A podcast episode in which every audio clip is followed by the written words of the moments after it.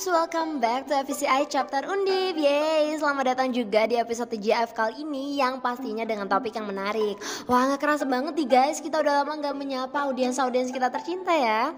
Sebelum kita mulai episode kali ini, kenalin dulu Aku Saniatul Arofah, kalian bisa panggil aku Sania Aku dari jurusan Hubungan Internasional Angkatan 2021 Fakultas Ilmu Sosial dan Ilmu Politik Universitas Diponegoro. Nah karena kita udah kenalan nih sama yang lagi ngomong Ada baiknya kita juga kenalan dulu nih sama topiknya. Jadi di episode TJF kali ini kita bakal bahas mengenai topik yang lagi hangat-hangatnya nih. Mungkin teman-teman juga udah punya gambaran nih kira-kira apa sih topik kita? Kak, clue-nya dong kak. Oke oke, aku bakal kasih clue. Clue-nya adalah Afrika Utara. Gimana gimana? Coba tebak. 3 2 1. Yups, bener banget buat kalian yang jawab konflik Sudan 100 buat kalian Dan juga buat kalian yang belum terlalu ngikutin tentang berita ini Dan juga sekarang lagi bertanya-tanya Emang apa sih yang lagi ada di Sudan? Seserius apa sih konfliknya? Tenang aja, aku bakal ngupas satu persatu soal konflik Sudan ini Jadi ikutin terus ya aku sampai akhir Sebelum masuk ke pembahasan inti, aku mau ngasih tahu informasi penting yang nantinya bakal jadi kunci sepanjang podcast mengenai konflik Sudan ini.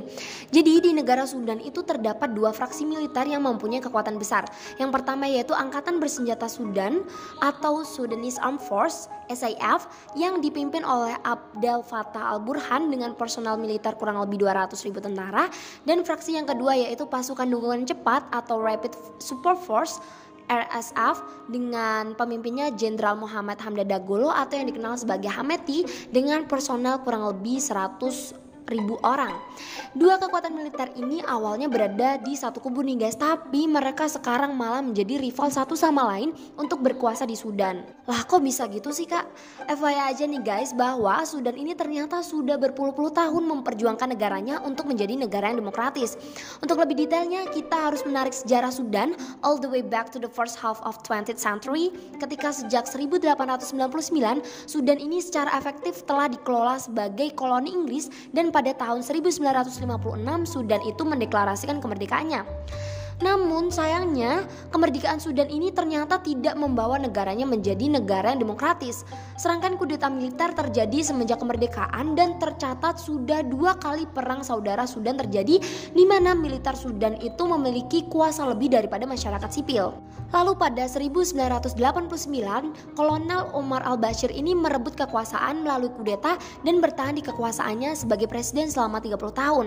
Nah, pada masa kepemimpinan Presiden Omar inilah terjadi perang di Darfur, wilayah Sudan bagian barat. Jadi setelah perang ini terjadi, keterlibatan presiden dalam perang yang menghilangkan kurang lebih 300 ribu nyawa ini membawa sang presiden kepada sidang kriminal internasional dengan tuduhan kejahatan perang dan kejahatan terhadap kemanusiaan. 300 ribu nyawa loh guys. Kemudian pada 2019, masyarakat sipil, Hameti, dan Jenderal Al-Burhan ini bekerja sama untuk menyingkirkan Al-Bashir. Sayangnya, meskipun mereka berhasil meruntuhkan rezim pemerintahan lama, lama, namun masyarakat sipil ini belum mampu untuk menyingkirkan rezim militer. Nah, gagalnya proses transisi ke pemerintahan sipil sejak digulingkannya pemerintah diktator Omar Abbasid inilah yang menjadi awal dari konflik Sudan ini nih Dips. Sebenarnya inti dari konflik Sudan ini adalah pertempuran antara SAF dan RSF untuk memperebutkan kekuasaan negara itu pasca digulingkannya Presiden Omar. Jadi ketika masa transisi Sudan ke sistem demokrasi ada pembicaraan yang mengatakan bahwa RSF ini akan dilebur kepada masukan militer. Loh, kenapa dilebur kak? Kan beda fraksi. Jadi menurut Alan Boswell dari International Crisis Group, pihak tentara militer Sudan itu berusaha untuk mengukuhkan kedudukannya di pemerintahan karena mereka sadar nih bahwa RSF ini semakin berkembang dan bertambah kuat dan Hameti ini mempunyai ambisi politik sendiri. Pihak militer merasa bahwa apabila mereka tidak memaksa RSF untuk melebur dan pihak dan berada di pihak militer, maka RSF ini akan semakin tidak dapat dikontrol dan dikendalikan oleh pihak militer. Nah, sayangnya peleburan ini akhirnya tidak menemukan kesepakatan nih guys. Kenapa? Karena pihak militer menginginkan peleburan selama 2 tahun sedangkan RSF ini menginginkan selama 10 tahun. Nah, puncaknya ini terjadi pada 15 April 2023 di mana SAF dan RSF saling melempar tuduhan bahwa mereka telah menyerang basis pihak masing-masing di Khartoum. Kemudian mereka bahkan saling serang untuk memperebutkan kantor presiden, bandara dan juga stasiun TV nasional. SAF menguasai kekuatan udara dan telah menyerang base RSF di ibu kota yang kebanyakan terletak di area pemukiman. Sebaliknya, RSF ini emang gak punya pesawat, tapi mereka punya senjata anti pesawat dan juga personal sebanyak 100 ribu orang ada total lebih dari 460 orang meninggal dan 4.000 orang yang mengalami luka-luka. Sudan sendiri ini telah dikecam oleh banyak negara tetangga untuk segera menghentikan konfliknya, seperti dari the African Union, UN, the Europe Union, USA, bahkan UK. Nah, uh, sejauh ini per April 2023 negara yang melakukan evakuasi warga negaranya yaitu ada Turki, Maroko, Prancis, Yunani, Amerika Serikat dan juga Kanada. Terus Indonesia gimana kak? Jadi data terbaru dari KBRI dari total 1209 warga negara Indonesia yang menetap di Sudan, 897 di antaranya telah dievakuasi kembali ke Indonesia. Nah, gimana nih Dip setelah kita mengetahui seluk-beluk dari konflik Sudan ini? Kalau orang bilang sih saat ini Sudan lagi nggak baik-baik aja ya. Kamu gimana? Eh ya.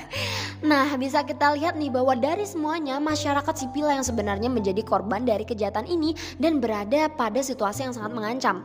Sebagai mahasiswa penting nih bagi kita buat mengedukasi diri kita sendiri agar tidak mudah terbawa dan menyebarkan isu-isu yang nantinya malah memperkeruh pemberitaan terkait konflik ini.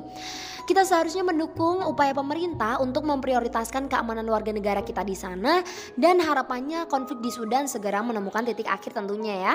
Well, nggak kerasa banget nih ya kita udah berada di ujung podcast Dips. Thank you so much buat teman-teman yang udah dengerin sampai akhir. Semoga semua pembahasan kita tadi bisa bermanfaat dan dapat menambah insight kalian. Aku Sonia pamit undur diri. Thank you for listening. Stay healthy and see you in the next episode. Thank you Dips. Bye.